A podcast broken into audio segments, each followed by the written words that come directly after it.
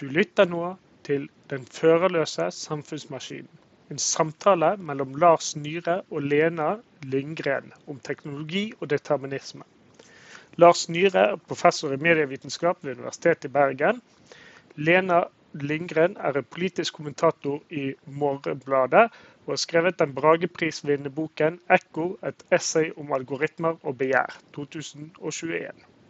Samtalen ledes av Kjetil Vikene. Arrangementet er arrangert av Selskapet til vitenskapenes fremme og ble holdt 18.11. på Litteraturhuset i Bergen. Så er dette et arrangement i um, regi av Selskapet for vitenskapens fremme, som er Bergens eldste tverrvitenskapelige organisasjon, stiftet i 1927. På, uh, og den sprang vel ut da av uh, de uh, ja, På den tid var det kanskje bare to eller tre professorer i Bergen. og de drev og snakket sammen. I hvert fall så er Formålet til vårt selskap er å spre det gode budskap om vitenskapens fortreffelighet til et allment interessert publikum. og Derfor er vi her i dag. Med meg på scenen så har jeg professor i medievitenskap Lars Nyhre. Og politisk jeg vil si samfunnskommentator i Morgenbladet Lena Lindgren. Eh, Utgangspunktet for dette arrangementet var det at Lars han havnet i hardt vær eh, siste året. Fordi at han påsto at vi var fullstendig under kontroll av teknologiene som omgjør oss. En såkalt form for teknologisk determinisme. Eh, og Da inviterte vi Lars til eh, dette arrangementet, og vi ba han velge en samtalepartner. Og Hans valg det falt på Lilla Lindgren, som har skrevet den Brageprisvinnende boken 'Ekko'. En helt utrolig fascinerende bok som er til salgs der bak. Det må jeg si. Eh, jeg vil anbefale at alle som har råd, kjøper med seg den og leser den intenst. Det er en eh, veldig opplysende bok om den tiden vi lever i. Eh, det er noen premisser for denne debatten, for vi skal snakke om teknologisk determinisme. Om eh, hvem er det som egentlig styrer samfunnet og samfunnet vi lever i. Og kanskje også samfunnsutviklingen. Og i hvor eh, stort grep har teknologien om oss. Det er noen premisser. Vi har ikke lov å snakke om teknologi i fremtiden. Så vi kan kun snakke om teknologi som vi er utsatt for i dag. Det er en, et viktig premiss. Eh, og så er det også å nevne at Lars også har nå nettopp sendt inn et manus til en lærebok om eh, teknologiske teorier, som jeg gleder meg stort til. Den kommer forhåpentligvis om mindre enn et år. Eh, og da tror jeg at jeg ikke skal bruke så veldig mye mer tid på å presentere de, men jeg vil eh, kanskje kaste ballen over til Lars. Du kan kanskje prøve å definere hva er teknologi? Takk. Det er jo et eh, litt stort tema, da. Og kanskje jeg kan begynne med å si at uh, det finnes visse teknologier vi alle sammen er avhengige av, på en veldig positiv måte. For eksempel, her har jo da alle klær på seg. Det er ikke så rart, både fordi vi er i Bergen, og fordi uh, det er bluferdighetsgrunner og andre gode grunner til å ha på seg klær. Vi sitter inne i et hus. Vi har tak over oss.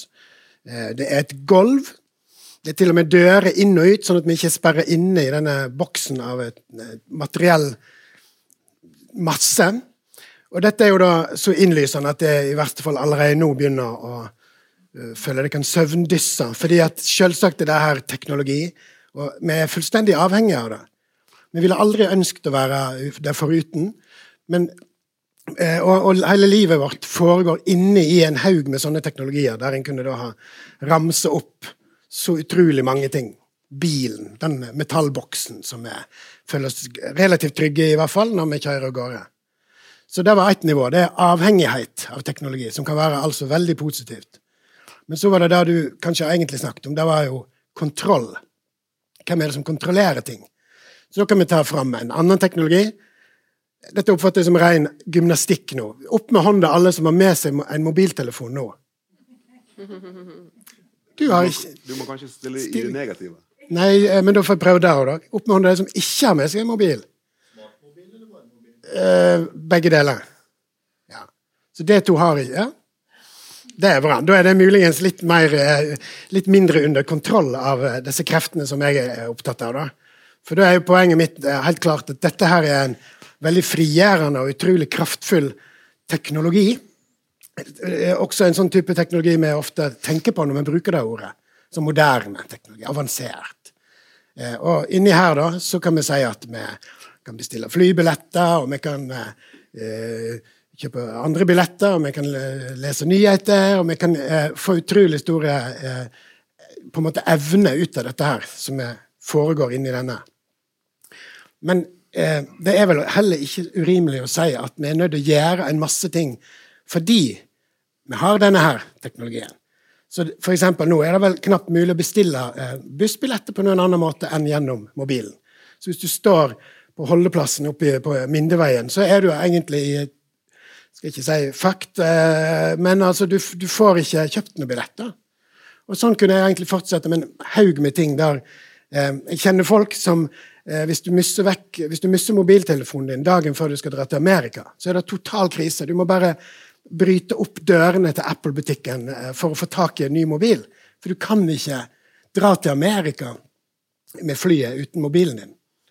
Eh, nå skal jeg gi meg øyeblikk her, men da er poenget at eh, Samtidig som den gir oss utrolig store friheter, så setter den utrolig mange rammer for oss også. Vi må gjøre det slik, og vi må gjøre det sånn. Veldig mye av det blir styrt av helt andre folk enn oss sjøl. Noe av det blir egentlig ikke styrt av noen i det hele tatt. Det er bare eh, for lengst blitt sånn at mobilen fungerer på den og den måten. Og eh, Så kan en dra det eh, mye lenger, egentlig. Men hvis vi nøyer oss med å si at det er et forhold her mellom den friheten det utrolige handlingsrommet som en sånn teknologi gir.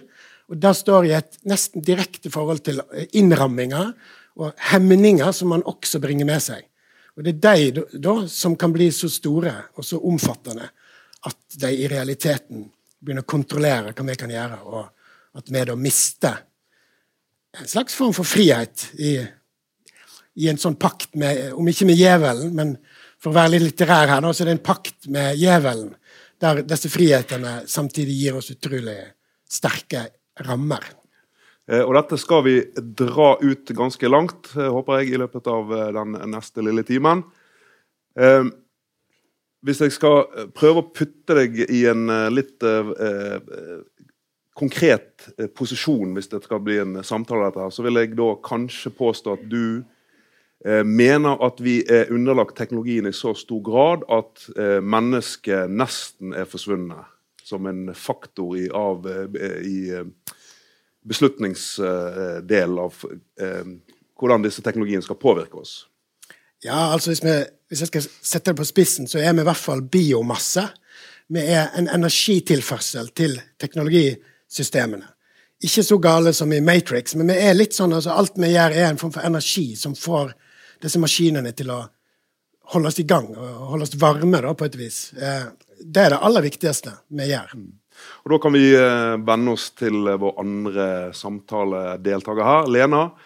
Eh, I boken din 'Ekko' så er en av de, de tingene som jeg syns var mest fascinerende med den boken, det var din gjennomgang av den nye fokuset, ikke bare i forskningen og ikke i populærvitenskap, men også i mediene, fokusen på den eh, narsissisten.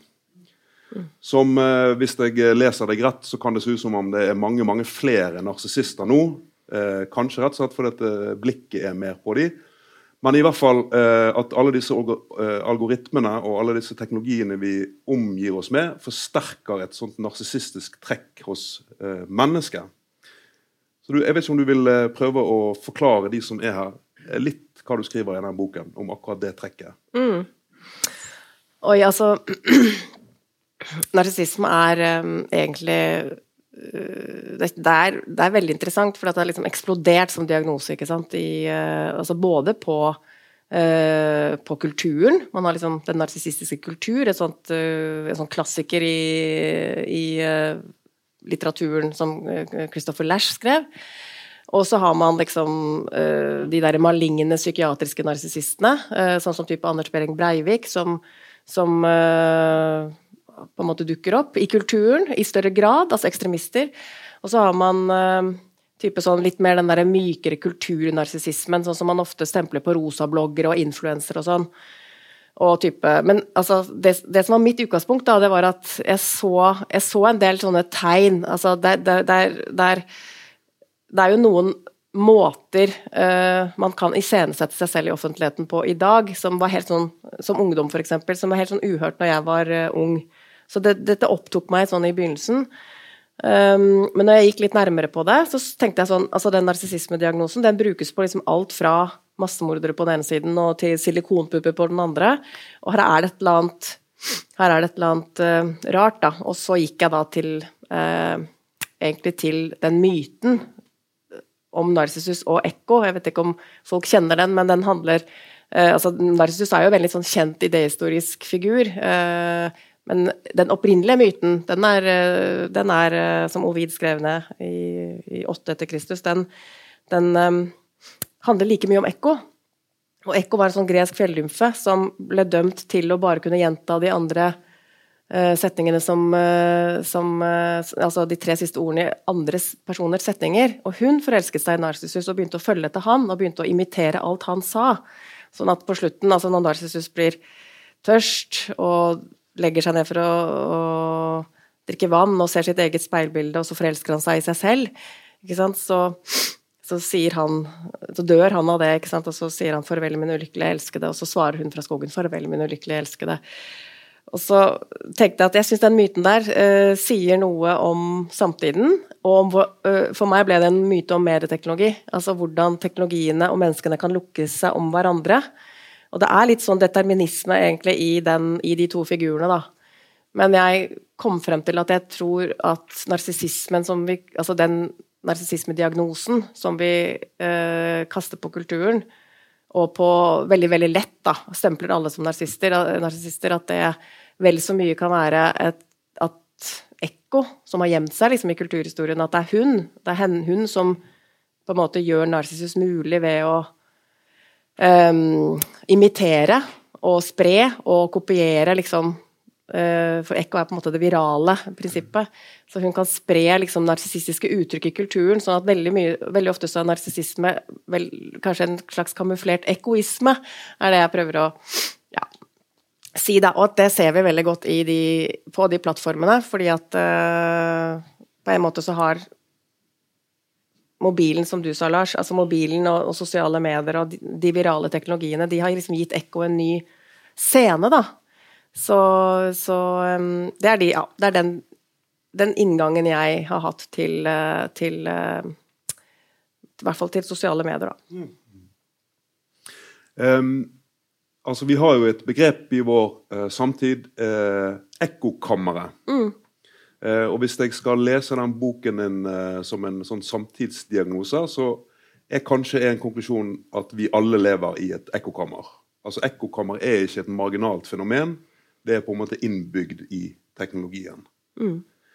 Eh, og da er det en, en, en, menneskelig mottaker, eller en menneskelig aktør her, en, en menneskeaktør, som involverer seg med disse teknologiene. Og da, hvis jeg nå kaster ball over igjen til Lars ja. Vær så god. Eh, du sier at eh, mennesket er en biomasse og eh, en energipåfyll. Altså I et, et, kapitalistisk perspektiv så vil det da at opp, det er opphevelsen av skillet mellom produkt og konsument. Konsumenten er blitt produktet. Eh, hvis det er gratis, så er det du som er produktet, heter det jo om de sosiale mediene. Eh, men hvis du skal forklare dette her eh, ut fra ditt lednings- og sikringsskapsperspektiv, så kan du få lov til det. Takk. Vel, jeg er jo eh, medieviter, da. slik at eh, når jeg begynte å studere det faget, så var jeg veldig forbausa over hvor utrolig lite det ble sagt om disse ja, teknologiene som du måtte bruke for å mediere ting, og som alle måtte bruke. Det var veldig mye snakk om det resultatet som kunne være identitet, f.eks., eller rolleforståelse og sånt. Eh, men, så det jeg har gjort i min karriere, er jo at jeg har forska og uh, lest veldig mye om utviklingen av medieteknologier. Hvis vi begynner litt uh, beskjedent og bare begynner på 18, slutten av 1800-tallet med de elektroniske mediene, så er det jo sånn at det ble bygd ut kjempesvære system med masse ledninger og strømtilkoblinger og sånt. Og så kunne folk snakke med hverandre i telefonen. De kunne høre stemmene til folk inne i stua si. De satt i, sitt private hjem eller sånn, og kunne da høre andre folks stemmer. Eh, sånne avatarer i en viss forstand som kom fra utsida. Og så kunne vi begynne å legge til stadig mer. Så kom fjernsyn med, med bilder og enda mer sånn kos og Erik Bye og, eh, og for så vidt også Pompel og Pilt. Eh, og så fortsetter dette her å utvikle seg eh, også på en sånn veldig sånn kjedelig måte, der det tekniske premisset, eh, eh, den tekniske leveransen av dette blir stadig bedre. F.eks. ved hjelp av sånne smartinger som en som heter Claude Shannon, som lagde en sånn veldig smart eh, matematisk teori for hvordan du kunne overføre signalet. Og Da blir dette her til slutt så utrolig bra at det ser mer eller mindre ut som det er mennesker. Det er ikke noe flimmer og sånn hakkete greier som minner deg på at det er teknologi. Det er ikke sånn månelandingslyder.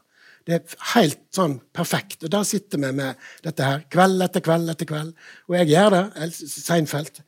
Eh, så vi, vi, lever da i en verden der disse andre menneskene, som noen av dem kjenner meg godt, andre kjenner meg gjennom medienes formidling, men vi lever så utrolig tett på hverandre sosialt med alle disse innholdsproduktene nyhetene, sportssendingene og eh, sitcomene. Jeg trenger ikke ramse opp alt det der, selvsagt, men det gjør vi alle, absolutt alle her gjør jo det. Så der lever vi. Og, og så har du noen veldig interessante refleksjoner omkring hva som skjer i den aller mest aktive og nærmest sånn brennbare delen av det der sosiale, det der sosiale teknologiene. Men jeg, jeg tror jeg vil minne oss på at dette har altså utvikla seg over lang tid. De var du kunne gjerne kalt det sosiale medier i 1910. Da ble det nok ikke kalt det, men det var det det var. Og dette har da rett og slett bare blitt kraftigere og kraftigere og kraftigere på en sånn måte der jeg er litt sånn de deterministisk. Det er, det er, virkelig ikke noen tvil om at det her har baller på seg. Eh, og så er vi der, mm. gjør deg. Men uh, Ja, kan jeg spørre for Eller ja, ja, det har baller på seg, det er jo åpenbart. Uh, men uh, Men uh, altså, hva det du Hva slags krefter er det du ligger, du ligger, de kreftene i teknologien, eller ligger de i mennesket? Ja, det er jo Nei um, um, Det jo, må jo bare svare begge deler, da. Mm. Klart det. Det behovet for identitet og evnen til å, til å binde seg sterkt til dette. Det er jo djupt menneskelig.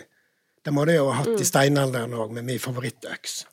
Så det er jo soleklart at det, ha, det har alltid vært sterke bindinger gjennom tekniske forhold til enten andre mennesker eller ting. Mm.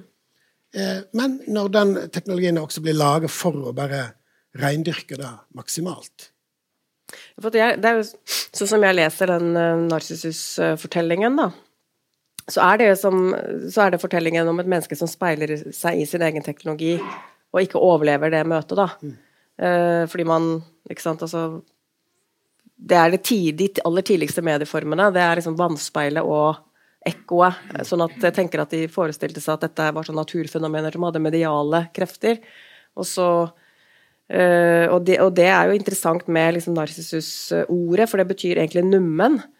Og det, det, er nye avledninger som narkose og narkotika og narkolepsi, eh, søvnsykdommen. Sånn at den tilstanden, den psykologiske tilstanden da, som, jeg, som jeg på en måte selv også erfarer at medier uh, gir, altså den, den, slags nummenheten og avhengigheten og på en måte altså en sånn sammensmeltning, uh, den har vært der tydeligvis, altså ikke bare med sos sosiale medier, den har vært der siden altså Det er en urgammel fortelling mm. om menneske og media, Uh, og at mennesket mennesket skaper, skaper, eh, en teknologi som, den, uh, som går, på en måte går under huden på oss og blir en del av oss, da, en del av vår, kroppene våre. Men, men, jeg bare Jeg skjønner ikke helt Jeg tenker jo at det er en, en fortelling om en slags sånn advarsel, da. Men, men sånn som jeg leser det, så, så Eller du sa nå litt, var jo at det er en slags kraft i Uh, altså den kraften vil, det vil bare fortsette litt uansett. Fordi det ligger en slags sånn besjeling av teknologien, litt, er det jeg uh, Ja, hører. jeg tror jeg kan, eh, jeg kan, leve med det. Uh, og jeg tror i hvert fall For min del så er ikke det her i seg selv negativt. Det er litt Det kan alltid høres sånn ut, særlig hvis det høres ut som en ferd med en sånn svær pekefinger og advare. Så det er vel mer prosesser her som er veldig naturlige. Der f.eks. at mennesker vil være med hverandre, mm. er jo så naturlig som det bare kan bli. Mm. Eh, og kan ikke kritiseres som noe skammelig. Eh, og eh, akkurat da kan jeg forresten bringe inn eh, en sånn urmetafor for mediene. Det er jo bålet. Mm. Altså det å sitte sammen rundt bålet. Det, og bålet er jo en teknologi, faktisk. Hvis en skal være litt streng her nå. Så det å få til å lage et bål er en teknisk eh, ferdighet. Og når du sitter rundt bålet, så sitter du sammen og snakker sammen rundt en teknologi. Og da har den fått ut, utvikle seg på uh, ulike vis opp gjennom historien. Og det var jo min gode venn Marshall McLuhan som uh, blant annet i hvert fall har sagt at altså, det er jo elektronisk peis. Flere andre har påpekt det, og Jostein Gripsrud og mange har, har minnet oss på at eh, fjernsynet er en elektronisk peis. Og du sitter nesten sånn og varmer deg, men du sitter særlig der med de andre menneskene og prater. Så det er jo et urfenomen som da hele tida blir kultivert videre og videre. Og vi blir litt vanskelig å tenke på det som elektronisk peis, men hvis du bruker sånn FaceTime her med din, uh, din gode venn, liksom, så er jo det en variasjon over det forholdet. Så da prøver jeg å si at det, det kan godt hende dette er veldig sterkt tekn teknologifisert, men det er også veldig menneskelig. Mm. Det fins andre eksempler på teknologiutvikling som er mye mindre menneskelige. Der liksom, For å sette helt på spissen, så er atombomba absolutt ikke i samme liga som uh, å se på fjernsyn. Nei, Nei det sant? er jeg enig i. det er ikke det. Så mm. vi snakker nå om veldig sosialt orienterte teknologier som, mm. som har stor verdi. Uh, men jeg må bare si at uh, Kan jeg bare spørre? Ja, jeg Fordi at uh, Altså, jeg oppfatter at altså, Det hører jeg ofte sånn teknologi Du er jo teknologiekspert, Eh, så du kan sånn mye mer om dette enn meg. Men, men jeg uh, syns ofte at uh, når jeg hører sånn teknologieksperter snakke, så, så, at de på en måte drar den der linjen da, opp igjennom historien. Alle, ja, bålet og, og sånn har det alltid vært litt. og sånn. Uh, mens jeg oppfatter at ved å trekke de linjene, så er det også noe man mister i form av, av liksom hva slags altså vesensforskjeller er det mellom dem. Og, og, og, for meg så er kunstig intelligens liksom noe helt Altså det, det, gir ingen mening å se tilbake på noe, eh, noe sånne, i hvert fall ikke de mekaniske teknologiene, fordi det er en teknologi som former seg etter oss. ikke sant? Sånn at den, den, den utfordrer det eksistensielle på en veldig um, inngripende måte, da. Uh, fordi den kan følge og, og Det er derfor jeg gikk til mytologien òg, fordi jeg følte at det fantes ikke egentlig noen liksom uh, noe, noe, språk da, for det, for det, som egentlig er funnet opp når kunstig intelligens, eh, som kunstig intelligens kan gjøre, som kan følge etter oss i sanntid og styre bevegelsene våre og gå inn i smarthjemmet, så, så kan det lese liksom hjerterytme og ansiktsfarge og dagsform og forme seg etter oss, ikke sant? Og det er liksom eh, Det, det stiller oss på noen helt andre type utfordringer, da. Veldig bra. Jeg har en kjempeovergang til at eh, For dette er jeg så enig med deg i, og det, okay. det, passer inn i eh, flere andre store fortellinger som jeg kunne ha gått innover i, muligens. Men en ting jeg noterte meg før jeg kom her, det var da en science fiction-forfatter som noen her sikkert har hørt om, Arthur C. Clarke. Han var hjernen bak den 2001 En romodyssé-fortellingen. Han har sagt at avansert teknologi er umulig å skille fra magi. Altså, det er en slags kritikk i det, eller det er en slags ironi i det, nesten. Men vi skjønner det bare ikke. Hvis det er tilstrekkelig avansert, så skjønner vi det ikke. Mm. Og det er jo i slekt med det du snakker om, om du refererer til myter. Mm. Det er også uh, slett ikke uvanlig å tenke uh, at uh, teoretikere skriver hvordan vi nå, moderne mennesker, med den enorme parken, eller pakken av teknologi vi har, vi kan gjøre ting som folk i tidligere tider bare kunne tillegge gudene. Mm. Det er bare guder som ville hatt evnen til å gjøre det vi kan gjøre nå. Vi kan fly eh, uten problem mens vi klør oss eh, bak øret. Eh, Og det var jo helt umulig for eh, 2000 år siden. liksom. Og vi kunne fortsatt veldig lenge å ramse opp de eh, superavanserte tingene vi gjør, som ville ha vært magi eller mm. gudekrefter. Mm. Så det er jeg helt mm. enig i, mm. og mm. det må vi forholde oss til som en del av dette. Mm. Om det er et problem eller ikke, men en del av den utrolige kraften som ligger i teknologier, moderne teknologier. Mm. Hvis jeg skal prøve å styre dere eh, litt, da, eh, så eh, er det et tveegget sverd her. og Det ene det er i det øyeblikket teknologien forsvinner for oss. Han blir usynlig. altså Vi tenker ikke lenger på at han er eh, noe annet enn oss. Sånn som veldig mange eh, av oss har et forhold til mobiltelefonen. Som at det er egentlig ikke noe forskjell på oss og mobiltelefonen. Det tror jeg at mange av oss ikke tenker over, men at vi har et forhold til den mobiltelefonen som gjør at mobiltelefonen forsvinner.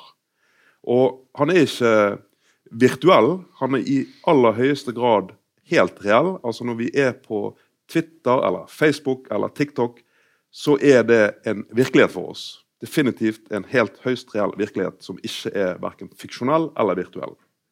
Og På den andre siden så forsvinner teknologien for oss i såkalt blackboxing.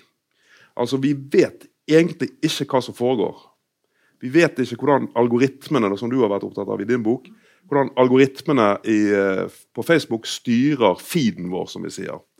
Eh, og vi vet eh, i liten grad hva handlingsmønstre eh, som vi gjør det, på disse plattformene, hva konsekvenser de får for eh, vår fremtidige feed. Og Du er litt inne på det. Du sier det at eh, denne teknologien tilpasser seg oss. Men i like stor grad så tilpasser vi oss teknologien. Eh, og der er det en, eh, en, så Hvis jeg skal prøve å formulere et spørsmål, da, eh, litt i forlengelse av det som Lena sa Kan vi snakke om en vesensforskjell historisk? At det er en type teknologi i dag som eksisterer, som er vesensforskjellig fra øksen? For å bruke ditt kjære eksempel øksen. Um, um, der eh, rett og slett interaksjon eh, har fått helt nye spilleregler. Eh, og kan, som kanskje til og med kan tidfestes med et årstall. Jeg skal ikke komme med det årstallet, for det vet jeg ikke. Men du kan kanskje si litt om det. Altså, er det en vesensforskjell i den teknologien vi omgir oss med nå, enn den som var for 200 år siden? Ja, Da kan jeg til din store glede svare ja. Det er det. Greit, da går vi videre. ja. Det er ikke lov med ja-nei-spørsmål. er jo ikke bra for Nei, stemmer. Debattleder. Da kan du fortsette. Da kan du fortsette ja. eh, nei, men det var et fint oppspill til min, eh, min kladd her om eh, Martin Heidegger, som er jo selvsagt en kontroversiell teoretiker som har, har en del slagg i bagasjen. Men han har et essay eh, han har skrevet som heter 'Spørsmålet om teknologi'. Og Der er han inne på akkurat sånne ting som du snakker om. For da han sier da, i lynkort sammendrag, det er at veldig lenge så lagde menneskene teknologi i form av at det var et håndverk. Dette er liksom ordentlig gamle dager. Tenk deg de gamle grekerne og, og middelalderen og sånt. Så da Det du gjorde da, det var at du brakte fram noe. F.eks. et skip eller en, en keramisk kopp med, med, ditt, med, dine hender, med en sånn der hjul og sånt. Eh, og, og det kaller han håndverksteknologier. De fins jo selvsagt ennå, men de, det var bare det som fantes. Og så sier han, om det ikke akkurat er et årstall, så er det litt sånn Francis Bacon og gjengen når de begynner med vitenskapelig utforskning av naturen. og begynner å presse, Det som skjer da, sier Heidegger, er at du begynner å presse fram teknologi. Du blir stadig flinkere til å legge naturen eh, på pinebenken, sier Francis Bacon og torturere naturen til du får ut noe som virkelig fungerer effektivt. Og etter hvert som det da blir eh, håndtert stadig bedre, så kommer du i en situasjon der du presser fram teknologi. Og du presser fram resultat. Så Heidegger er opptatt av mange store ting, men det kan òg være sånn som gravemaskinen, som bare kan grave ut og grave ut, og så lager du veier, og så bygger du hytter og så tar det aldri slutt, for du kan bare drive på. De der maskinene blir aldri trøtte, bare du har nok eh, diesel. Da. Eh, du, kan, du kan presse ting ut av naturen, Og hvis vi nå fortsetter forbi Heidegger, for han skrev jo ikke om kunstig intelligens og sånt, eh, så kan vi se for oss at vi nå har så utrolig stor bredde i teknologier som har den egenskapen, at vi ikke lager den. Det er ikke vi som sitter der. Det er ingen av oss som har laga mobiltelefonene våre på noe sånn keramikkbrett. Så det, omtrent alt er masseprodusert og maskinelt produsert for oss. Og så kom det elektrisk strøm, og så kom det datakraft, og så kom det kunstig intelligens-algoritme. Og nå har vi jo da eh, biler, Tesla-biler, som da gjør at vi snart ikke engang trenger å parkere den. Du trykker på den der knappen for lukeparkering, og så så lukeparkerer han seg. Og jeg tror det er lett å, å, å se for seg at dette kunne da fortsette. Og da, det som skjer, er at en fortsetter stadig lenger vekk fra denne på en måte litt sånn uskyldige urtilstanden der du lager ting sjøl. Det er smått. Du har kontrollen på absolutt alt, kanskje på en irriterende måte, fordi du ikke får til noe mer. Skipet ditt er lite, og det synker i stormen. Nå har vi sånne cruiseskip med 5000 passasjerer. Synker ikke i noen storm. Eh, jeg tror jeg skal gi meg nå. Ja. Jeg, nå hva, hva, er det som er kreftene i det? Er det liksom, har, har teknologien en egen agens? Altså Er det en aktør som vil på en måte gå den veien litt uansett, eller er det med, eh, hvorfor, eh, hvorfor ekspanderer det? Ja, nå, nå, får jeg da passe litt på at jeg fortsetter å sitere ja. Heidegger, siden jeg har memorert det her så godt. Det er ordning det, det, er en, det, er en, form for teknisk rasjonalitet, som kan være et mystisk ord. Men det er sånne ordningsevner. Nesten som at atomet altså i hvert fall En god del atom, orden, alle atomene ordner seg etter prinsippet i naturen. Veldig sterke krefter. Men disse her prinsippene for hvordan ting kan ordne seg, de kan gå langt utover sånne krefter. De kan befinne seg i vegsystemene. Det finnes i aller høyeste grad i datamaskiner og i de algoritmene som eh, datamaskiner har. Og igjen, nærmest alt vi har rundt oss nå, da, har sånne eh, fysiske ordningskrefter som er i full sving i f.eks. denne her igjen, da. Mm. Det er, det, du, på måte, det er på den måten du er determinist, da? Altså, hvis ja, man skal kalle deg det? Ja, altså det, hvis eh, Hva var det nå? Eh, hvis, hvis, vi tenker oss at vi har stor kontroll over hvordan vi skal bruke disse teknologiene, og hva vi vil med livene våre, og i hvor stor grad disse teknologiene kan hjelpe oss med det, men vi har ikke kontroll over hvordan de virker. Og de virker på denne måten at de har en haug med krefter inni seg som har blitt kultivert i minst 500 år av vitenskapelige menn og eh, teknologer som har utvikla alle disse sinnrike mekanismene Mm. Inni, inni dem, eller ved hjelp av dem, så har vi masse flotte friheter og, og kan uttrykke våre evner. Men akkurat det der, hvordan det der virker, det kan vi ikke mm. Ja, nå skjønner jeg mye mer hva, hva Altså hva du mener når hvor, hvor, Hvordan den utviklingen fungerer, da. For det Jeg er jo også liksom, Jeg er kritisk uh, til Og jeg, jeg mener altså, langt på vei enig med deg i at, uh, at uh, altså, vi er omgitt av, en, av teknologi vi ikke har kontroll på, kontroll over. Fordi at dette er en teknologi som både lærer av seg selv, altså algoritmer lærer av seg selv, og de, de har en rasjonalitet som de fleste av oss ikke har tilgang til, i hvert fall ikke, altså hvert fall ikke som enkeltmennesker. Og et premiss også, altså som jeg ser du har nevnt før, det er jo at at eh, vi, menneskeheten utvikler et teknologisk nivå, og så varer et menneskeliv i 80 mm. år, og så dør vi. Og det neste mennesket blir jo født inn i det samme teknologiske, sånn at på en måte så Den, den vekstprosessen, da den, når man sier at mennesket kan styre den, så er det litt sånn, det er, det er en slags størrelsesforhold her som gjør at det ligger en, determinisme, en slags determinisme ja. i, i, den prosessen.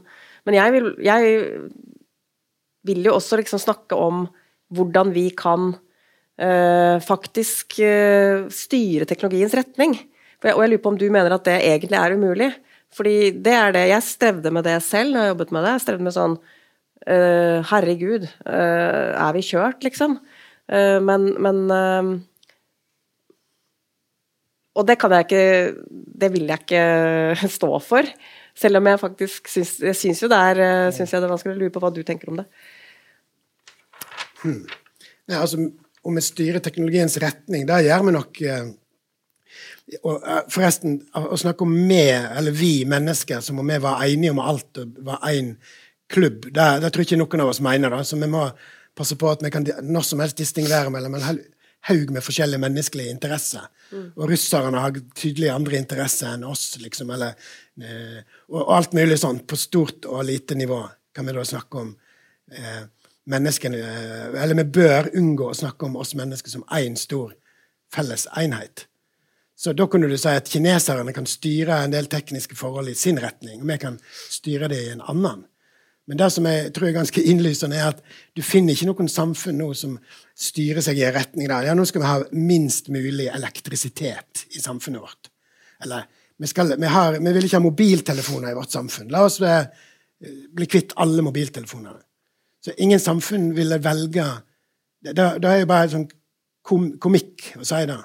Så da kunne vi nesten lage Hva teknologiutvikling ville absolutt alle samfunnene vært enige om at det var nødt til å ha det her?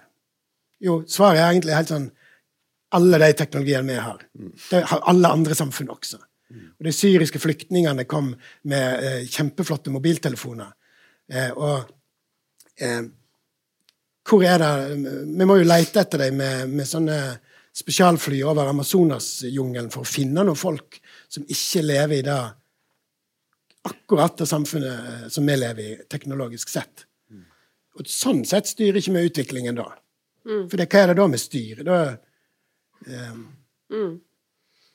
Jeg kanskje, tenker vel kanskje at det um, At det er, det er ikke teknologien Eh, som løper av gårde eh, med sine egne krefter og i sine egne mønstre, men at det er Altså, det er et speil på mennesket, da. Og det er et speil på menneskets determinisme, i så fall. Altså at vårt tunnelsyn og våre blindflekker og våre liksom tendenser til å lukke oss da, om våre medier, altså liksom lukke oss rundt de, de um, um, Altså, vi speiler oss i teknologien og blir en del av den, og, derfor, og når, vi, når, vi ikke, når, teknologien løper av gårde, så, så, er det fordi at vi egentlig mangler selvinnsikt da, på et eller annet nivå.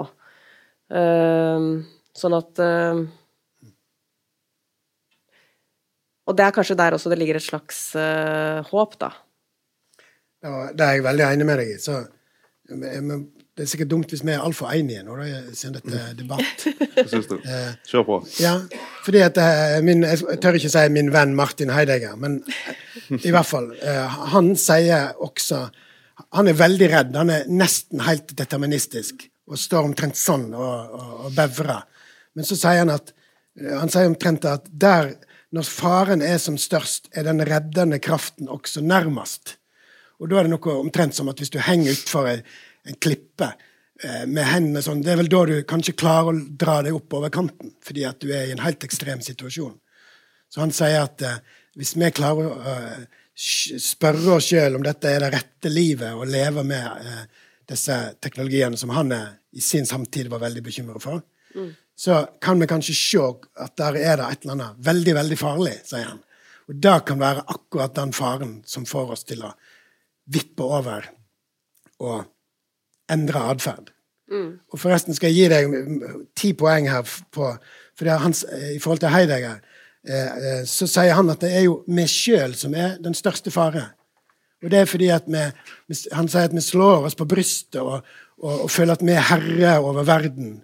Eh, og vi behersker alt gjennom vår fantastiske teknologiutvikling. Vi ser ikke at vi på en måte da er blinde, eller så lenge vi ikke ser hva fare vi utsetter oss for med denne stadige utviklingen, og at vi faktisk mister kontrollen mer og mer. Vi mister mer og mer kontroll jo mer vi tror vi blir mektige. Hvis vi klarer å se det, da. Mm. Jeg tror ikke han har noe tids... Det er ikke sånn at det er nødvendigvis er helt for seint noensinne. Mm. Men at hvis vi klarer å se det, og klarer å ta det grep over det, da ville vi så Nå kommer min tolkning. Da ville vi måtte demontere teknologi. Mm. Jeg kan ikke forstå nå at det er noe annet han mener. Og det kunne jo være uhyre krevende. da, Sannsynligvis eh, helt på nippet til å være umulig. Mm. Men vi måtte ha demontert, skrudd av. La meg prøve å styre videre. Eh, eh, Lena, eh, du skriver om eh, Narsissos og ekkomyten. Eh, og du kobler det med en eh, viss beskrivelse av den menneske, Den, altså vår tids menneskelige syke i vår omgang med denne enormt avanserte teknologien som vi egentlig ikke har så god innsikt i. Mm. Men jeg tror kanskje at vi kan være enige om at vi alle har en viss form for paranoia. Og mer og mer etter hvert som eh, detaljer om hvordan disse store megaselskapene har kontroll over informasjonen om oss, at de i ganske stor grad kan forutsi våre handlingsmønstre og eh, kommersielle handlingsmønstre, hva vi kommer til å kjøpe. Eh, eh, eh, Visse eh, studier mener jo det at du i, ved en analyse av 50 likeklikk på Facebook, så vil Facebook kunne si mer om din personlighet enn din kone. Altså, Å kunne forutsi dine forhandlingsmønstre er en enormt stor industri som gjelder å analysere disse handlingsdataene våre. Eh, og den paranoiaen eh, som i hvert fall jeg av og til føler på den telefonen og jeg eh, tenker at det er, en, eh, en, en, en, det er herlig å kunne legge vekk den telefonen for at jeg skal ut og gå en tur. Om det så er bare i to timer, så føler jeg at ok, da er jeg i hvert fall ikke den med meg. Mens vi har en eh, forsvarsminister som er på TikTok, f.eks. Altså, det er ganske mange eh, ekstreme eh, paradokser i måten vi omgir oss med vår teknologi. Så jeg er veldig nysgjerrig på å høre eh, noen tanker fra deg om hvordan vi omgir oss med denne teknologien, på godt og ondt. Altså helt sånn psykologisk. Mm, altså algoritmene. Ja. Du kan velge ditt eget tema. Ja. um, nei, altså Paranoia, det, det, det forstår jeg, og, og eh, jeg også hadde det skikkelig når jeg jobbet med det. Um, men jeg tror jo lett at eh, ikke sant, fordi tankene våre jo Jeg skjønte jo underveis hvordan, man hvordan en konspirasjonsteori ble til. For at jeg laget jo en konspirasjonsteori eh, helt sånn automatisk. Jeg møtte, en, eh, møtte på han, eh, en som heter Peter Thiel, da, som er eh, som eh, sitter, har sittet eh, liksom Mark Zuckerbergs høyre hånd, og han Trump, var Trumps teknologiske rådgiver. Um, og han var elev av en som heter René Girard, som var sånn professor i Silicon Valley. Og, og, og han har liksom innsikt da i dette liksom egoistiske prinsippet som jeg følte at jeg så, hvor man liksom egentlig som er det prinsippet som sprer eh, som gjør oss til som masse, som henter fra massemennesket i mennesket, da, på en måte. Og det er jo, sant, apropos det å kunne ta kontroll. Så, så hvis eh, blir eh, Hvis vi alle sammen blir egoister, så klarer vi ikke det. Så jeg, da oppsto det liksom en sånn ordentlig Satan-figur da, for meg. Så jeg, jeg ble paranoid. eh, men jeg tenker at at um, Altså Mer og mer, da, så, så, så, så tenker jeg at vi må Altså Vi må klare å eh, tenke eksempel atomvåpen. Altså, vi har et atomvåpenforbud. Vi må jobbe for nedrustning. Det er litt altså, det er delt, da, fordi på den ene siden så sier vi liksom aldri mer Hiroshima og Nagasaki, og på den, på den andre siden så har faktisk og, og vi klarte å stoppe eller jobbe for nedrustning en stund, og så kom og så plutselig så bare ble det opprustning igjen, sånn at i dag har vi ni atomvåpenstater. ikke sant? Så du, det vil jo støtte din, eh, din, eh, ditt ståsted. Men jeg tenker sånn, ja, vi har lykkes mange ganger da, med å regulere teknologi. Vi har eh, Jeg skrev om, har skrevet om droner nettopp. Altså, Droner er sånn total eksplosjon, og det var utrolig sånn det er med all teknologi. sånn, og Fantastisk fascinerende, og det kan løse veldig mange problemer. Og så ser vi på krigen nå, så er det sånn uh, drapsdroner. Er, Russland har brukt drapsdroner mot den ukrainske befolkningen. Det er droner som altså Store deler av den krigen uh, drives jo av kunstig intelligens, og de kretser over ofrene, og så, stopp, så, så har de varmesøkende radarer da, som identifiserer levende kropper, og så tar de ut ofrene. Uh, og det er ingen omkostninger ikke sant, for for det russiske militæret, fordi at uh, de mister jo ikke noen soldater på den måten. Og de er garantert uh, å ta ut målet fordi de bommer ikke, de blir ikke nervøse, de har ingen, ingen traum, de får ikke noen traumer. Altså, det er omkostningsfritt å bruke droner. Og vi bare selv har jo hatt droner i Vi har vært skitnervøse, den norske befolkningen har ringt PST helt ned og rapportert om droner vi har sett, og det er tauet droner inn. Så, ikke sant, altså jeg tauet uh, mistenkte, spionasjemistenkte russere inn i norske fengsler. Så jeg bare føler liksom litt at vi må, vi må regulere autonomien, da. Vi må sette grenser for autonomien i kunstig intelligens. Uh, akkurat som vi må si til selskapene i Silicon Valley at uh, vet du hva, den måten dere programmerer de algoritmene på, som handler om å fange oppmerksomhet, bruke liksom uetiske prinsipper, som jeg mener, da, gaming, personalisering, swipe, streaks, altså få unger til å liksom være sånn der Jeg må ha 100 strikes hver dag. Uh, altså det er, um, som, som, dere sikkert vet hva er altså, Dere kjenner til den teknologien, ikke sant? Ja. Um, det, er, eh, det er, vi som programmerer teknologien, det er vi som må regulere den. Og det, det, det, har vært eksempler på at vi har klart det. Sånn som Vi snakker om, vi må regulere autonome våpen nå. Vi har tidligere klart å regulere, ta bort landminer og klasebomber og ganske mange andre våpentyper. Så jeg må på en måte insistere på at det går an. Så sånn sett så er det sånn, ja, jeg, for å svare, da, jeg er liksom Eller prøve å svare. Jeg er både paranoid, um, men også veldig sånn uh, insisterende på at uh, vi, må, vi, må, ta kontroll. Altså, det er to her som sitter er, vi, må, vi, må, følge de Eller vi må liksom se at det er alltid noen andre. Det er alltid noen som ikke har smarttelefoner. Det er alltid noen forbud vi har klart å få gjennom. Noen reguleringer. Vi må løfte liksom, den alternative historien, som ikke er den deterministiske historien. For det er, det er også sant. Det fins masse, masse, unntak. Masse, masse liksom, miljøer og eksempler som trekker i en annen retning, og da blir det en annen historie vi ser. ikke sant? Og, og hele dette, En annen fortid er mulig. Det er en veldig stor bevegelse nå. Hvis ikke om dere har lest den der The Dawn of Everything. Har dere hørt om den? Mm. Ja, Den handler jo egentlig om det. Altså at eh, Nei, historien går ikke De sier jo da, basert på arkeologiske forbund, eh, funn og sånn, det er jo en, en vitenskapelig teori dette også, sier at nei, det er ikke sånn som alle sammen har trodd til nå, og påstått, alle de store tenkerne opp igjennom, at historien går fra primitive stammesamfunn og så via en uh, stor jordbruksrevolusjon og til liksom moderne stater med skrift og teknologi og sånn. De sier nei, uh, altså Dette har alltid vært opp til valg. Det er politiske valg som avgjør hva slags uh, samfunn som har som har eksistert. Det fantes avanserte, kjempestore sivilisasjoner Uh, som uh, 6000 år før Kristus i, Nei, ja, ikke sant? Og at, at, Sånn at de sier at alt vi har trodd er feil. Det er mennesket som har uh, Se på denne historien, så reiser det seg liksom en helt alternativ historie opp. Når en annen fortid er mulig, så blir det en annen fremtid mulig. da. Mm. Og de, det føler jeg at til, noe av grunnen til at den boka har blitt sånn kjempebestselger, Dawn of Everything, det er jo at eh, de åpner opp og sier at dette er et sånt øyeblikk i historien hvor vi kan velge, da. Vi må velge Vi må ta grep om, uh, om utviklingen, og det støtter jeg, da. Da har jeg eh, neste spørsmål, og vi skal prøve å avrunde. Vi har ikke så veldig dårlig tid. Dere får holde ut hvis vi går over tiden. Eh, så siste oppspark det er det at vi eh, Du sier Dette er et, eh, bra inngang til min siste, et av mine siste spørsmål. Du sier at er, vi har muligheten til å velge. Men hvem er dette vi-et som skal velge? Altså, Jeg syns at altfor mange deler av eh, mitt liv er avhengig av at jeg skal ta veldig mange små beslutninger.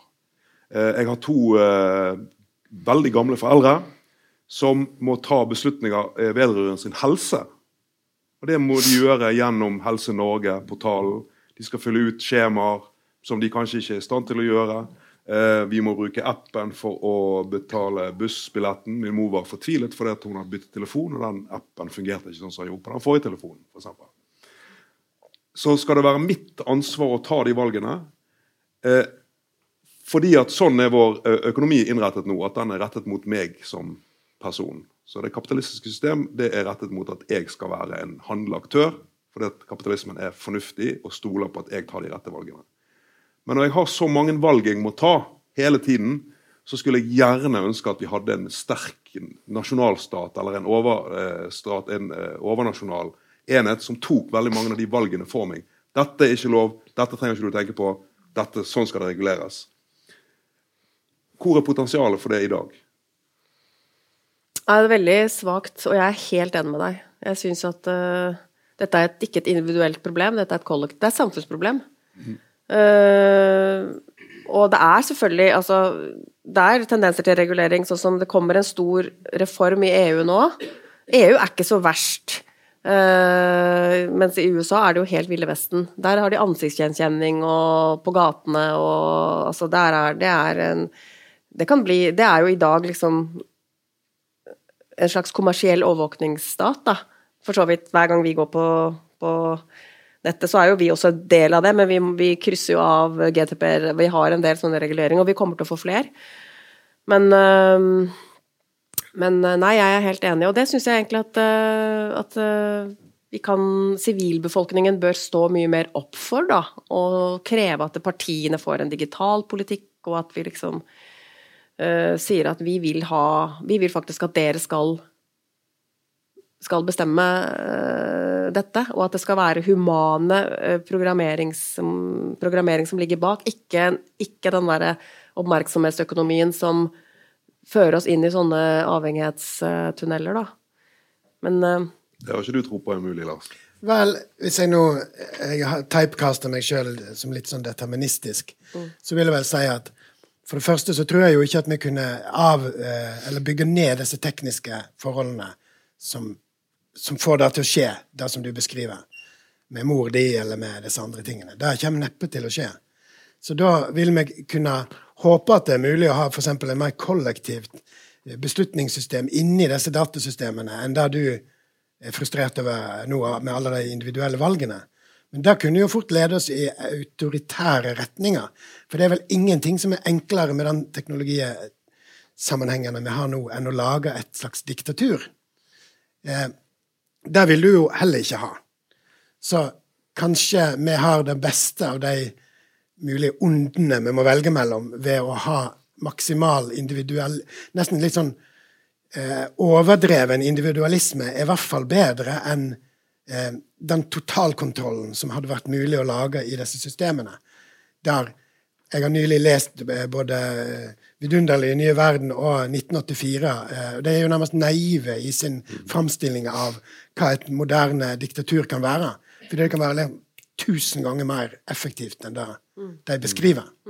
Ja. Så jeg mener at det er et ekte dilemma. Ja, og det dilemmaet er kanskje det som du skriver om. For da vil jeg kanskje si at uh, det er bedre med en overdreven individualisme enn et sam, et autoritært samfunn.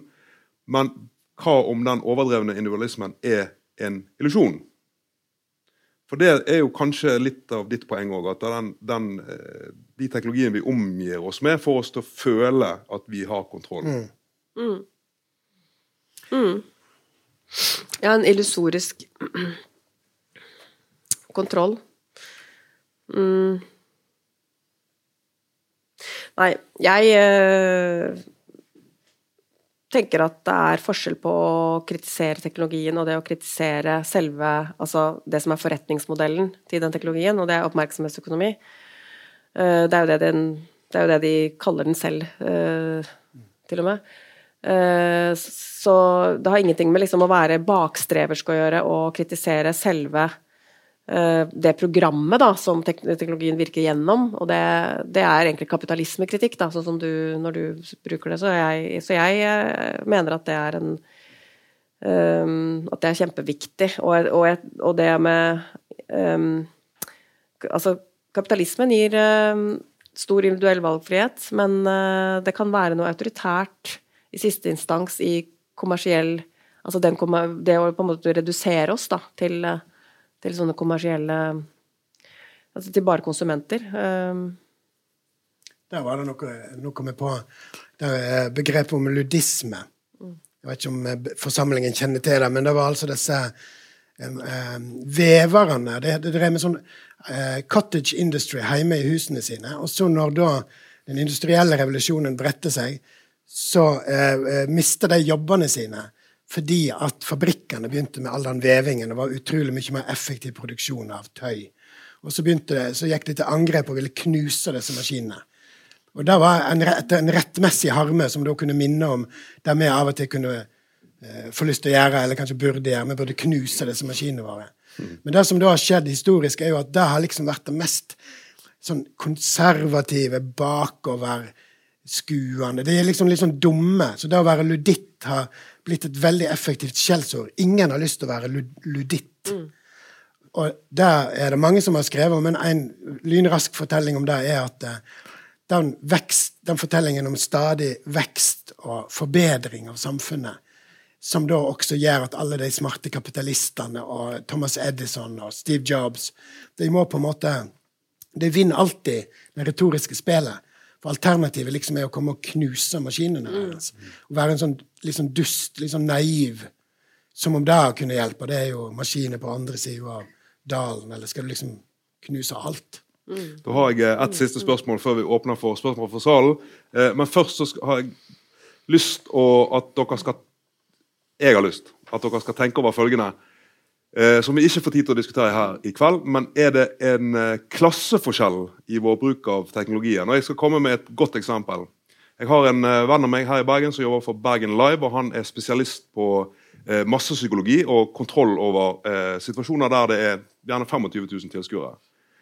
Og Han sier til meg at de som kjøper Golden Circle-billetter helt fremme med scenen, de er opptatt av å ta selfies. Mens de som står på andre siden av gjerdet, de er opptatt av å filme konserten. Tenk på det. Eh, men vi avslutter eh, med følgende spørsmål fra meg, og så åpner vi for dere. Eh, så til hver av dere, da. Hvis dere skal prøve å gi oss en, en, ett råd, hva er den beste måten jeg kan forholde meg til mobiltelefonen min på? Herfra og inn. Da må jeg faktisk være, da må jeg være erkehumanist og si du må spørre deg kritiske spørsmål om din egen atferd med den aktuelle teknologien, og du må også forsøke å forstå teknologien. Og om det skulle kreve veldig masse hjernearbeid, så burde du likevel gjøre det, fordi det er vanskelig å forstå seg sjøl. Og det er nesten enda vanskeligere å forstå vår moderne teknologiverden. Men du kan slå på Wikipedia, og du kan streve og styre på. Så hvis du hadde klart å forstå de to tingene bedre, så ville du vært bedre skodd til å så korte. Bruk teknologi for å forstå teknologi. Fint? Lena? Mm, um, jeg tenker jo også det. Altså sett uh, Altså tenk over uh, hvilke prosesser som, uh, som, skapes i samspillet mellom oss og, og måten algoritmene fungerer på. Og én ting jeg har vært opptatt av, det er, det er det, altså trangen til å skape syndebukker. fordi at uh, det er liksom en del, jeg, en del, av det jeg kom frem til. At den ek ekkoprinsippet uh, jeg, skal, jeg, kan ikke dra hele hvordan jeg kommer frem dit, men det er ekkoprinsippet fører til en sånn formasjon hvor, som skaper uh, del, altså delt kollektivt begjær, delt kollektivt rivalisering og delt kollektivt syndebukkjakt. Sånn at Uh, og det er liksom det som kalles liksom mimesis i oss. da. Uh, vi imiterer hverandre. Og, og no, etter hvert så syns jeg på en måte at jeg synes jeg så liksom beviser da, liksom i de plattformene, måten de er programmert for, for at de da masseproduserer nødvendigvis både idoler, nye influensere og Facebook-konger og sånn, og rivalisering, altså type som man kan se liksom Altså alle disse småborgerkrigene som foregår, alle disse identitetspolitiske krigene. Og også syndebukkjakt. Og det som skjer med syndebukkjakt, er at man prøver å løse spenninger eh, i et samfunn, da. Eh, som kan være vanlige, legitime politiske konflikter, ikke sant. Og så man, endrer man formasjon. Man går liksom fra alle, alle mot alle til alle mot én. Og da har man løst det. Og det ser man hele tiden skjer, sånne skittstormer, ikke sant. Skittstormen har en sånn anatomi at den Uh, tar ut én. Å, der har vi rasisten, så da er det ut med han, og da kan vi gå videre. Da har vi fått fred. Eller her har vi liksom uh, uh, Ja, den, den um, transfobe, eller altså Man har liksom alle sånne ting. Og det er en måte samfunnet liksom renser seg på. Så det ville jeg tenkt, da. Altså, det er i hvert fall jeg blitt. Jeg, etter det så er jeg blitt så utrolig var på på skittstormer. Jeg går hiver meg, hiver meg rett og slett ikke på sånne, sånne eh, stemningsbølger, da. Fordi at jeg ser, vet at algoritmene forsterker eh, det i menneskeheten. Um, så det er et Det er et um, Det er bare én konkret ting, da. Chill, altså. Chill. Mm. Ja, chill. Eh, da åpner vi for spørsmål fra salen. Hvis du, hvis du lurer på noe, så er det sikkert noen andre som lurer på det òg, så da kan du stille det. Vær så god. Vent, du får en mikrofon i hånden. Ja, takk for eh, eh, samtalen. Jeg eh, lurte på hva syn det har i panelet på der det er snakk om teknologisk determinisme, og at vi ikke kan knuse maskinene så det sier Lars, eller skru utviklinga tilbake. Men vi kan jo gjennom vårt mønster og konsummønster styre hva felt teknologien vil utvikle seg videre på, og hva felt det kan ikke stoppe opp på. For det er jo ikke sånn at vi har lyst på ny teknologi på alle felt i livet vårt. og Vi er kanskje metta på en del felt og oppdager at eh, verdifulle ting i livet er faktisk best uten teknologi tilgjengelig. Og bare som et eksempel, jeg skulle skifte en gammel eh, vifte som hadde fungert i 20 år, på badet i feriehuset vårt. Og jeg ville ha en mekanisk av-på-vifte som bare gikk i én hastighet. Og han elektrikeren så dum på meg. Ja, men vi har jo sensorer for fukt og temperatur og store klumper, og viste meg en brosjyre. Nei, men jeg vil ha en sånn gammel A-på-vifte. Og så virkelig sier han jeg skal se om jeg greier å få tak i det. Og det klarte han til slutt, og jeg er fornøyd med den. Og jeg tror kanskje på flere og flere felt oppdager at vi, vi vil gjerne ikke ha den nyeste teknologien alltid, og stadig vekk møte programvareoppdatering. Og nå har jeg kollegaer som ikke får kjørt den nye bilen sin fordi de har glemt å installere programvareoppdatering. Og så må den nyinnkjøpte bilen til en million må 14 dager inn på der de kjøpte den igjen. Og hva syn har dere på dette? her? Eh, Vi trenger ikke knuse fabrikkene, Lars. Vi kan bare lavere og be om alle oppdateringene over hele fjøla. Luditt. Ja, og jeg lurer på, jeg er helt alene? Altså, jeg kan være enig for min del i mye av det du sier der, da. For min egen del. Eh, og eh, så tror jeg at fryktelig mange ikke tenker sånn som deg. Jeg tror de vil ha den nyeste vifta. Og de vil fik få den bilen fiksa fortest mulig, sånn at den kan parkere seg sjøl. Eh, så det, det, tror jeg er litt blanda. Men at eh, jeg har sympati og forståelse for din posisjon, og deler den på en del områder. Jeg er f.eks. frustrert nå over de utrolig dyre, feite høyttalerne mine. Der er det én av dem som ikke virker fordi jeg har ikke fått til å oppdatere programvaren. Eller Eh, du kan få svare på neste spørsmål. Nei, bare, bare en, en, en liten kort påminnelse. Altså, vi, altså, teknologisk sett og når det gjelder de sosiale mediene, så lever vi jo gjennom en ganske spesiell uke, eller tid. Fordi at vi har sett at kryp kryptoprosjektet har gått rett i veggen. Kjempeskandale. Wipe-out over hele linja. Eh, eh, Elon Musk er i ferd med å liksom eh, brenne Twitter eh, til jorda fordi at han, han er i krig med noen sånne woke krefter som han tror er på innsiden av sin egen organisasjon. Det, altså, det, altså, hvis man følger Twitter-strømmen nå, så er det jo stort sett folk som bare sier fra at når, når eh, Twitter slutter å virke, så finner du meg på LinkedIn eller, eller et eller annet sted. Og, og, og metaprosjektet til Zuckerberg er oppe på vei i veggen, og de har nettopp liksom sagt opp 11 000 ansatte. Så, så det er jo noen selv, selvregulerende ting her, og det skjer noe i den digitale økonomien og på de sosiale mediene som, som eh, akkurat as we sit her, eh, som, som er ganske interessant. Altså. Så, så, så, så her er det både liksom selvdestruksjon og noe med denne økonomien òg som er i ferd med å gå i veggen. ikke sant? Så, så, så, så her er det åpenbart at det skjer en selvjustering uten at man på en måte trenger nødvendigvis eh, staten eller eh, EU eller noe andre til. Ikke sant? Så, så, så det skjer noe veldig interessant akkurat nå som jeg ikke har oversikt over, men som, så det er verdt å minne om. tenker jeg. Amen. Amen. Ja. Eh, hallo. Hei. Jeg har snakket med min eh, venn Jonas og Jørgen for noen dager siden om cookies og, og sånne ting, og så kom vi inn på det med privatliv. Eh, og vi er litt uenige, tror jeg. Fordi jeg tenker, altså De tenker at vi må være forsiktige når vi er på sosiale medier, og at eh, det er sykt mye informasjon.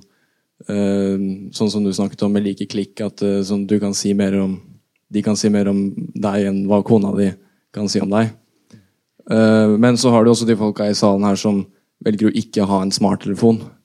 Uh, er, er liksom er, for, Skal vi kunne ha et privatliv på f.eks. sosiale medier, eller er, burde ikke det være et krav? For jeg tenker litt sånn at uh, foreløpig i hvert fall, så kan jeg, hvis jeg virkelig vil, bruke en Nokia murstein. Og jeg kan slippe unna det verste av cookies og sånn. Og derfor tenker jeg at uh, vi har ikke kommet til et punkt ennå hvor uh, privatlivet mitt egentlig har blitt Hvor noe har kommet i veien for mitt privatliv. Hva tenker dere om det? Denne må du svare på, Lena. Mm, det er klart at um, Prinsippet er jo sånn at jo mer man er der, uh, og for eksempel uh, Altså De sanker jo data på, på basis av søkehistorikk.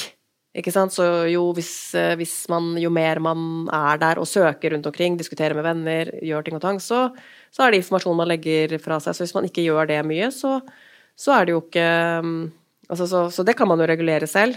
Da vil det ikke komme i veien for ditt privatliv. Og på en måte så kan man si også at hvilken, altså på hvilken måte kommer det Er det personverninngripende? Det er jo et spørsmål om, om det plager en at de faktisk sitter med informasjon om Hvis du har vært der en del, da, om liksom din seksuelle legning og dine politiske interesser og hva du er opptatt av, hva du søker etter. ikke sant, altså, For det, det kan man enkelt Sosioøkonomisk status Det er ganske sånne masse ting man kan lese ut av den typen altså informasjon man Bare tenk på alt man bruker nett, liksom, bruker nett og sosiale medier til. Men eh, Nei, altså jeg, jeg tenker altså sånn Jeg tenker litt sånn prinsipielt på det. Det plager, for det har aldri vært veldig plagsomt for meg personlig.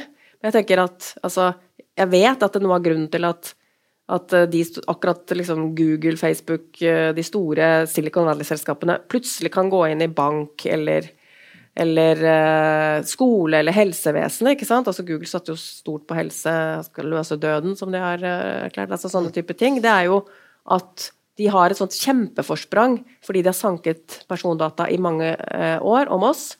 Eh, og det er, ikke det er ikke personlig liksom, om deg, men, men det, er det, det er den eh, databanken da, som de sitter på. Som de kan utlede nye produkter av kunstig intelligens, sånn som ansiktsgjenkjennelse f.eks. Det er bare mulig ved at det sitter ekstremt mye stordata som de har fått fra oss. da. Så det er på en måte en sånn prinsipiell uh, nivå på det òg, da. Uh, I forhold til personvern, hvis du tenkte på det. Ok, Da går det mot slutten. Vi kan ha ett spørsmål til. Takk, takk. Takk for en fin samtale. Uh, men, men, jeg lurer på hvor enige eller uenige dere er etter denne samtalen. Så slik jeg forsto det, så, så, sier den ene parten at uh, liksom fremtiden blir, blir, mer bestemt av menneskets grunnleggende vesen. Liksom at det er det som vil, vil, vil styre retningen. Mens den andre parten sto for at nei, det er teknologien. Teknologien er det som styrer retningen. Um, så er det klart så kommer vitenskapen inn. altså Når Alan Turing på en måte oppfinner datamaskinen, så er det jo bare vitenskapen. Jeg tror ikke han har noe tankeverk i den ene eller andre retningen. Han er en matematiker som bare finner opp det her. Men, men liksom det som, det som jeg, jeg, føler at, at, at, samler deres to sider, det er nettopp det med oppmerksomhetsøkonomien. Det er det som samler begge to. Altså Når datamaskinen først er funnet opp, så er det noen som vil prøve å tjene penger på det. Det er liksom det vi håper på. Vi utdanner folk for å prøve å tjene penger på sånne nye teknologier. ikke sant? Og hvis du skal prøve å tjene penger på mennesker, så må du bruke menneskets grunnleggende vesen, det som de begjærer og det som de ønsker, til å klare å tjene penger. Så jeg ser, jeg ser egentlig ikke noen motsetning. Det er, det er helt, liksom, for meg så blir det tydelig at det er begge deler. Det er både menneskets grunnleggende vesen og det er teknologien som sammen er med på å styre framtiden. Det, liksom, det, kan ikke være bare det ene eller det andre. Jeg tror ikke dere trenger å si noe. Jeg tror at det var en veldig god oppsummering av eh, samtalen. Det var det. La oss klappe for det.